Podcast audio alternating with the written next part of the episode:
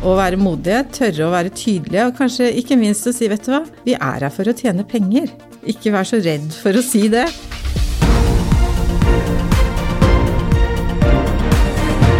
Dette er All In med Oslo Business Forum. For ikke lenge siden ble årsresultatet for Multiconsult for 2020 på hele 371 millioner kroner og en EBITDA-margin på 10,1 lagt fram. Dette er det beste resultatet i selskapets historie. Bak tallene, etter mange år med dårlige resultater, er det en snuoperasjon som av mange ansatte i Multiconsult ikke trodde var mulig, hvor det er skapt ny giv i selskapet, der dagens gjest har vært toneangivende Grete Bergli.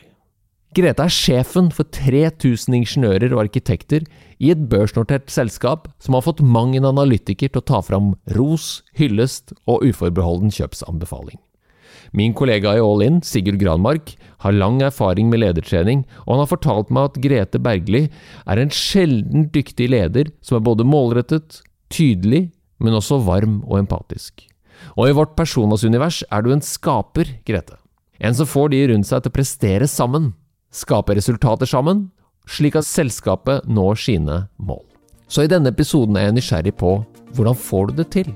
Hva er det du gjør i praksis som jeg og andre som hører på, kan lære av? Velkommen til podkasten All In med Oslo Business Forum, en podkast for ledere som er lidenskapelig opptatt av ledelse, innovasjon og strategi.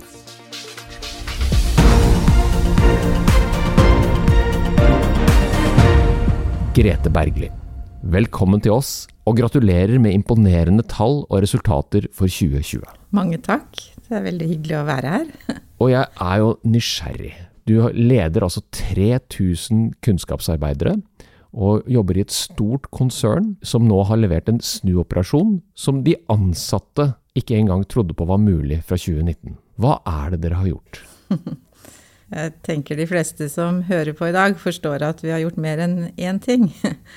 Og eh, det vi startet med aller først, og som jeg har sett tidligere er veldig viktig, det er å få en felles erkjennelse av hvor vi står. Eh, og også ha en erkjennelse av at vi skal endre noe. Og selv om jeg kjente selskapet veldig godt, så valgte jeg å bruke nesten seks uker på å få fram en nå-situasjon-beskrivelse. Og så var vi enige i toppledelsen om den, og så ble vi enige med nivå tre-lederen i organisasjonen. Eh, og da kan du begynne å sette opp fire-fem områder som du skal jobbe med. Og eh, for meg så er jo det også en sånn basis eh, som jeg har som veldig driver for meg selv, og det er at du må agere på fakta. For myter er kjempeskumle. For alle kan mene noe. Eh, og som leder så må du da også tørre å si vet du hva, det der er ikke riktig. Tørre å møte de også når du får ting som, som ikke stemmer. Men jeg tror vi fikk opp et bilde som vi i hvert fall fikk en sånn 90% konsensus rundt. Eh, og så hadde vi som selskap Vi hadde vokst Vi hadde hatt en vekststrategi. Så vi hadde begynt å rigge for en vekst vi ikke hadde. Og da begynner ting å koste. Eh, og da måtte vi tørre å ta tak i det. Så jeg tror det aller første jeg gjorde, det var å ta bort alle handlingsplaner vi hadde. Og så sa jeg det er to ting, bare to ting vi skal konsentrere oss om nå. For vi skal konsentrere oss om det vi lever av. Det er prosjektene våre. Og så må vi gjøre de salgene som gjør at vi får prosjektene. Så på de seks ukene, Grete, så fikk du en slags felles forståelse om veien. Og da, hvis ikke jeg tar feil, så var det litt ut i april, må ha vært etter påske i 2019, da? Det er helt riktig. Så våren 2019, da var det fullt fokus på prosjekter ja. og lønnsomhet? Da, og det er jo ting alle kunne kjenne seg igjen i. Eh, vi kunne få alle lederne til å, å tenke hva, hva betyr det for meg? Og så begynte vi å rigge for den veldige snuoperasjonen vi visste vi måtte gjøre. Og eh, det ble jo da lansert eh, i kvartal tre i november i 2019. Og da hadde vi sagt at vi skal forbedre bunnlinja vår med 150 millioner. Og for et selskap som da har hatt fallende resultat fire år på rad, så må jeg si at jeg selv også syns det var ganske utfordrende. Og så hadde jeg fått med meg Da hadde jeg bytta ut hele konsernledelsen. Så jeg har bare to igjen som var der tidligere. Men det er ingen i dagens konsernledelse som har samme oppgave. Eh, og så hadde jeg fått eh, to eh, utenifra. som var med å gi oss et litt annet perspektiv. Og så hadde vi bestemt oss for at vi er modige, og satte det målet. Men vi satte jo ikke bare målet, det lå jo analyser bak. Eh, det lå en forpliktelse bak eh, hos en del av lederne våre.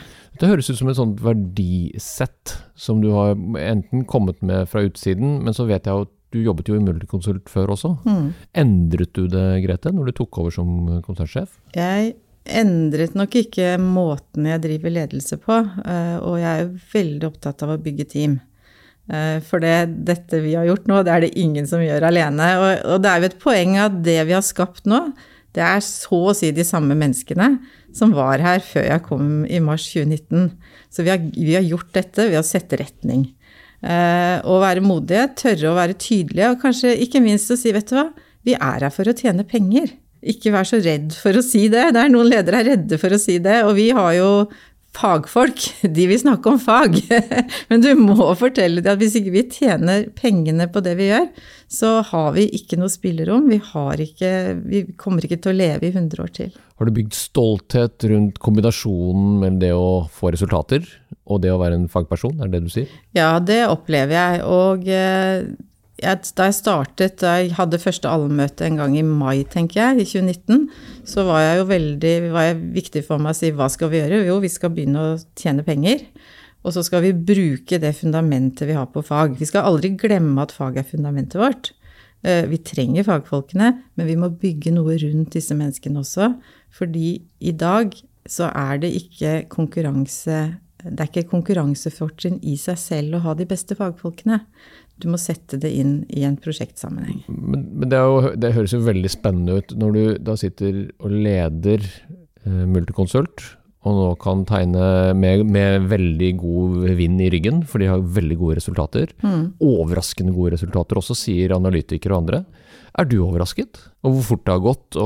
det har gått fortere enn det jeg trodde. Jeg har, for det vi, har, det vi, hadde sagt til markedet òg, vi trenger et par år.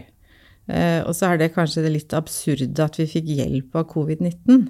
Mm, hvordan da? Eh, fordi det ble enda tydeligere at du må konsentrere. F.eks. så måtte du slutte å reise.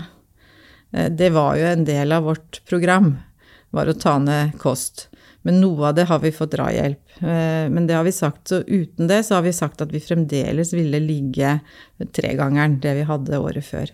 Og noe av det jo, eh, var jo kost på stab. Eh, så det jeg sa da vi, da vi, skulle ta 150 millioner kroner, så var det Noen ville jo sagt da bare går det å fortelle hver enhet nå skal du levere et eller annet tall. Vi valgte å gjøre det på andre måten. Jeg sa nei, nå går vi, og så sier vi her skal jeg, og det, nå lover jeg dere at jeg skal hjelpe til, så noe av felleskostnadene går ned.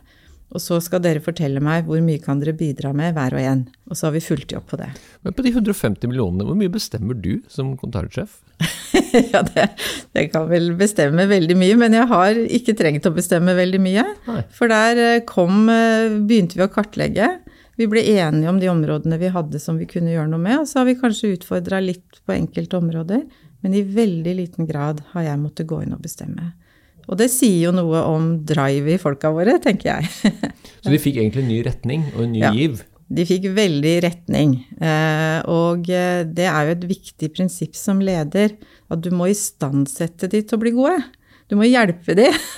og, og, hos oss som vi selger jo fortsatt timer, det er primære forretningsmodellen vår, så nytter det ikke å si til en medarbeider at du skal øke debiteringen hvis de ikke har jobb. Derfor var dette med salg minst like viktig som oppdragsgjennomføringen. Hvis jeg som ikke kjenner Multiconsult så godt, sier at dere lever jo av konsulentteamene og konsulenthonorarene deres, så er jo faktureringsgrad ofte et sånt nøkkelord. Er ikke det riktig? Det er helt riktig. Og den er jo høy hos Multiconsult? Den er på vei opp, og så vet vi at vi kunne vært enda bedre når vi ser mot konkurrentene våre. Og der er det jo da viktig å forstå hva som skaper eh, de timene du kan selge Eh, og da er vi litt tilbake kanskje på den stoltheten fagfolk har. For de vil gjøre det så godt som mulig, ikke kanskje bare godt nok. Eh, og da kan det hende de bruker litt mer tid enn det kanskje kunden er villig til å betale for også. Så det er å bygge den kulturen. Eh, og jeg bruker å si Jeg snakker nesten aldri om debitering, som det heter hos oss, men jeg snakker om å ta seg betalt for verdiskapende arbeid. har du skapt verdi, da skal du ha betalt for det. Vi skal komme tilbake til dette snart, men jeg må også bare innom litt. For når du startet opp som, eh, som konsernsjef, så måtte du også bl.a. gå i en sak med Stortinget. Du vet hva som kommer nå? Det jo, var jo store medieoppslag i den perioden om denne, denne parkeringskjelleren til Stortinget. Ja. Og den endte med et forlik. Og jeg vet Du kan få si hva du vil om det, men dere, dere kom jo ut av det på et vis, ja. med æren i behold? Ja, og eh, den er jo en sak jeg kjente fra før, for den lå jo i den regionen jeg hadde ledet. Eh, og så bruker jeg å si det er mye mer enn en garasje, det er faktisk en av de fineste byggene som omringer Stortinget. Eh, men jeg har sagt tidligere at her gikk det meste feil hos begge parter. Og vi var ikke tjent med en rettssak. Det var jeg helt sikker på. Eh, og det at vi greide sammen med, med, Stortingets leder da, administrative leder, det tror jeg hun også var veldig fornøyd med. Vi, vi, var enige. Ingen av oss var fornøyd. Og da tror jeg vi fant det stedet vi skulle være enige. Og, bygget i dag, tilbakemeldingen på bygget er at det er et veldig godt bygg å være i. Og det er kanskje det som jeg håper skal bli arven vår da, etter det prosjektet. Og så har dere jo hatt noen veldig spennende og nærmest sånne flaggskip- og signalbyggoppdrag de siste årene. Og blitt veldig toneangivende, i hvert fall her i Oslo, da, som jeg kjenner. Men også ute i, i, i, andre byer, hvor dere bygger sykehus og andre bygg. Liksom, hvordan har dere klart dette, Grete? Det er eh, en lang historie som du bygger opp CV-er, du bygger opp referansene dine. Eh, du er bevisst på hvor du ønsker å være. Eh, vi, vi satte jo sykehus høyt, og da må du gå nesten 15 år tilbake for å begynne å bygge opp For vi selger på CV-ene til enkeltpersoner og referansene til selskapet. Så det er en ganske bevisst oppbygging. Da jeg kom til Multiconsult i 2002, da var et fem millioners oppdrag et stort oppdrag. Eh, og i dag har vi da milliardoppdrag, hvis du tar Campus Ås, hvor du har en million timer. Så det sier noe om spekteret som vi jobber i. Men det er jo det å ha den flerfagligheten, den satset vi på ganske tidlig. Vi så at markedet var i ferd med å endre seg fra å kjøpe enkeltfag til flere fag sammen. For dette vet jeg du er opptatt av. for Jeg har eh, lest om eh, IPD-metoden. Og for ja. lyttere som ikke vet hva jeg prøver meg på nå, som jeg selvfølgelig heller ikke kan, men jeg har lest det, Integrated Delivery Project, som dere gjør på noen eh, sykehus, vet jeg? Ja, vi har gjort det nå i, i Tønsberg. Var det en modig byggherre som turte å kjøre en annen modell. og da hvor partene, hvor vi også deler risiko med entreprenørene. Og, og jeg er ganske sikker på at det er fremtidens modeller. Uh, og så må vi bare få med oss byggherrene til å ha lyst til å kjøpe inn, for dette er ikke noe vi bestemmer alene. Uh, men da får du Det du ser, er at du tar bort disse grensesnittene mellom, og, og kanskje også stafettvekslingene mellom partene i de ulike fasene. Og så sier man mer om hvem er best egna til å gjøre denne oppgaven og til å bygge denne kompetansen. Men går man da litt inn i den tradisjonelle byggherrerollen nå, som, som egentlig planlegger prosjektet for gjennomføring, hvis, man, hvis jeg forstår det riktig her? Vi, vi, går ikke så mye inn i byggherrerollen, men vi går nok i mye sterkere partnerskap med byggherren i tidlig fase enn det vi gjør når det blir en sånn bestiller-leverandørrolle. Men det viktigste på IPD-en er nok at man har en mye tettere integrasjon med entreprenørene eh, enn det vi normalt har. Eh, og deler risiko, og det har vi aldri gjort før. Nei. Vi har ikke sittet eh, i en kontrakt hvor vi deler risiko med entreprenørene, og det var ganske skummelt i starten. Og så har det blitt veldig bra. Og noe av det er jo, jeg tror vi som var toppledere i disse firmaene, vi ville at dette skulle funke. og partene fant ut av det også, de så at det var en fin måte å jobbe på. Så sånn felles egeninteresse ja, hjelper jo ofte. Det det. Men må samtidig beregne den risikoen, da, vil jeg tro? Ja da, det må vi. Og, og her var det jo her var det også veldig tydelig vi kunne ikke tape alle pengene våre, ikke sant. Og det kan jo entreprenørene noen ganger, men det var en, en, en balansert risiko, vil jeg si, i, i kontrakten. Så det hadde en mekanisme for. Er dette fremtiden, da? Det håper jeg det er. Eh, og vi har jo jobbet nå mye med, med Skanska og OEC rundt dette som er verdistyrt prosjektutvikling. Eh, og da Det er litt uvant, eh, fordi man da tenker hvor mye penger har jeg til dette prosjektet, og så skal jeg få mest mulig verdi ut av det. Det burde kanskje vært det vi gjorde hver gang. Mens når man ser på overskridelsene, ikke minst i det offentlige, så vet vi at det ikke er tilfellet. Det, det blir ofte tilført nye midler. Men det å trene oss opp til å forstå hva det er som er kostnadsdrivere, det, har, det er en viktig utvikling for oss som er rådgivere. Og Det er jo en flott overgang, fordi i forrige episode så hadde jeg en veldig spennende samtale med Morten Hansen, mm. som jeg vet at du har hørt, Grete. Ja. Og der snakket vi bl.a. om hvordan man kan måle verdi. Og det er jo det vi snakker om nå, ja. du og jeg. Og, og, jeg er så heldig, for da kan jeg bare spille den ballen videre. Ja. For det Morten ikke egentlig kan fortelle oss, det er hvordan dette gjøres i praksis men det kan jo du. Ja, vi kan jo det. Hvordan gjør man dette? Hvordan gjør man det? For du, også, du, hørte jo hva Morten sa? Jeg hørte hva Morten sa. Vi har jo diskutert det også. Og eh, realiteten er at rådgiverbransjen, de har faktisk et ganske svakt forhold til hvilken verdi de er med på å skape. Jeg kan ta et veldig enkelt eksempel. Vi hadde en som ble ansatt hos oss. Han hadde tidligere vært kunde vi ga han et råd på energieffektivisering, og som han sa, det var verdt en halv million for han. Men vi tok kanskje 50 000 for det. Så om vi hadde bedt om dobbelt så mye, eller ikke sant? Dette, men dette har vi ikke noe forhold til. Eh, dette kommer vi, vi og alle i vår bransje, til å bli utfordret på når vi nå skal begynne å tenke livssyklus. Da kommer vi til å måtte ta inn betraktninger i et mye lengre perspektiv, som også må ta med verdi. Hvor langt har vi kommet der, da?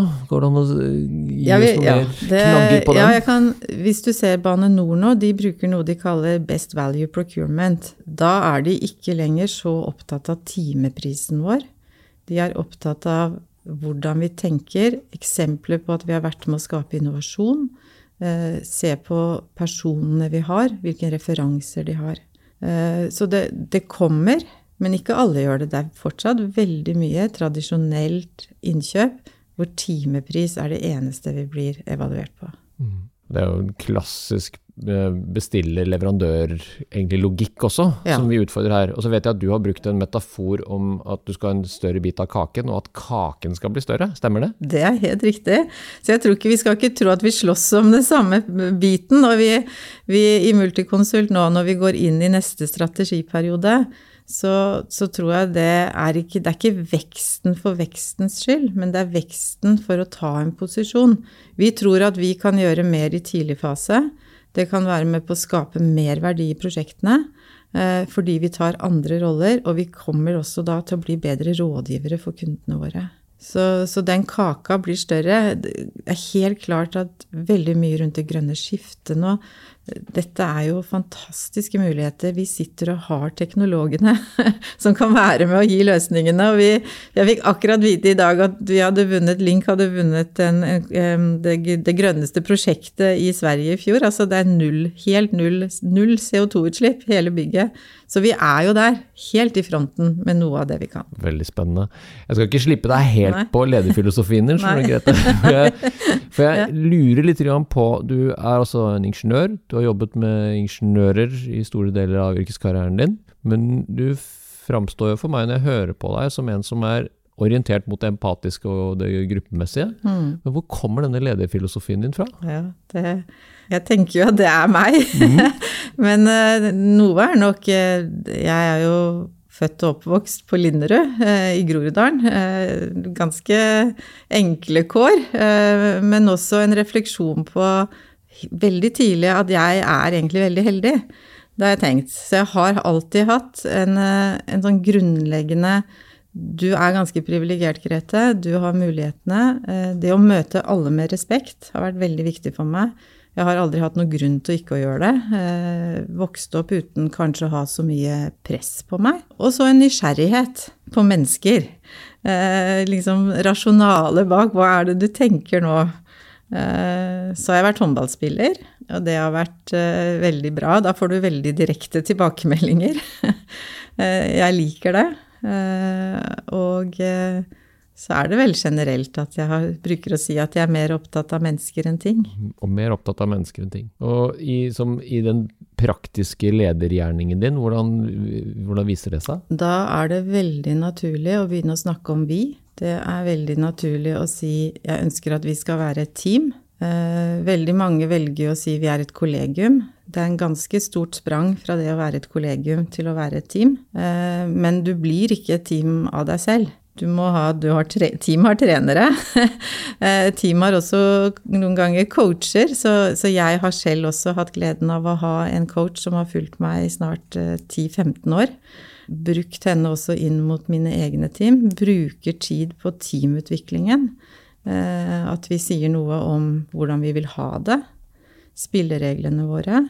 Eh, og også det å greie å skape den tilliten der at det er lov å si vet du hva, nå har jeg det ikke så bra, eller å bry seg om kollegaen din. Og eh, jeg har ikke funnet noen annen måte å gjøre det på enn også å ha en tett én-til-én-dialog med alle mine ledere. Så det helt fra jeg tok over liksom litt stor lederjobb, så har jeg hatt hver sjette-sjuende uke så har jeg en én-til-én med de jeg leder.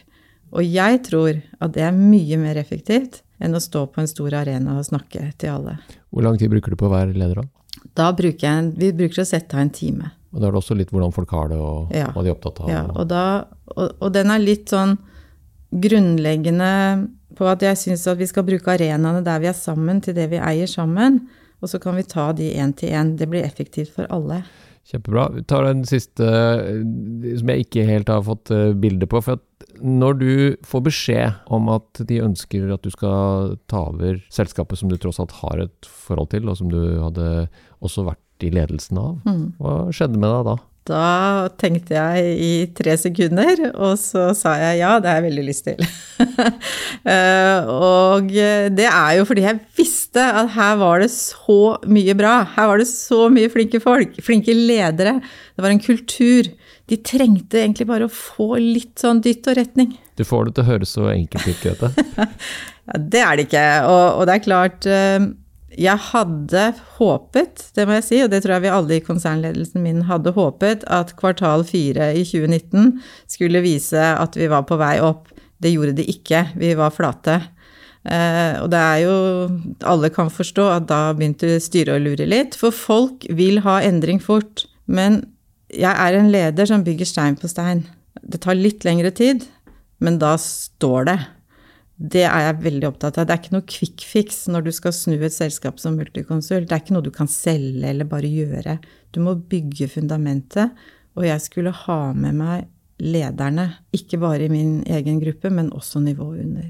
Hvis du skal overta et stort konsern med 3000 eh, dyktige folk, så bør du være tydelig på hvor man skal hen, og hvorfor man skal det. Du må sette av tid og ha også overskudd som eh, veileder og rollemodellen deres.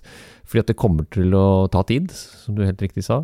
Og så har man bygd her et Multiconsult har et fundament for å også kunne påvirke framtiden som, eh, som, den kunnskapsleverandøren man er. Både i prosjekter man er i, i samarbeid med oppdragsgivere og andre. Så det er verdt å følge med på. Og så syns jeg det er kjempespennende å få et lite innblikk i hvordan du gjør det, Grete. Mm. Er det noen siste råd eller oppfordringer du vil gi til eh, ledere der ute? Tørre å være en leder, eh, og ikke tro at alle rundt deg vet hva du skal gjøre, hvis ikke du har sagt det til dem. Tusen takk for dine kloke betraktninger, og lykke til videre. Mange takk. Hvis du likte denne podkasten, hadde vi satt utrolig stor pris på om du abonnerte og gir oss en tilbakemelding i avspilleren. Spre gjerne ordet videre til andre ledere som er lidenskapelig opptatt av ledelse, strategi og innovasjon. Mitt navn er Tor Haugnes. Sammen er vi all in med Oslo Business Forum.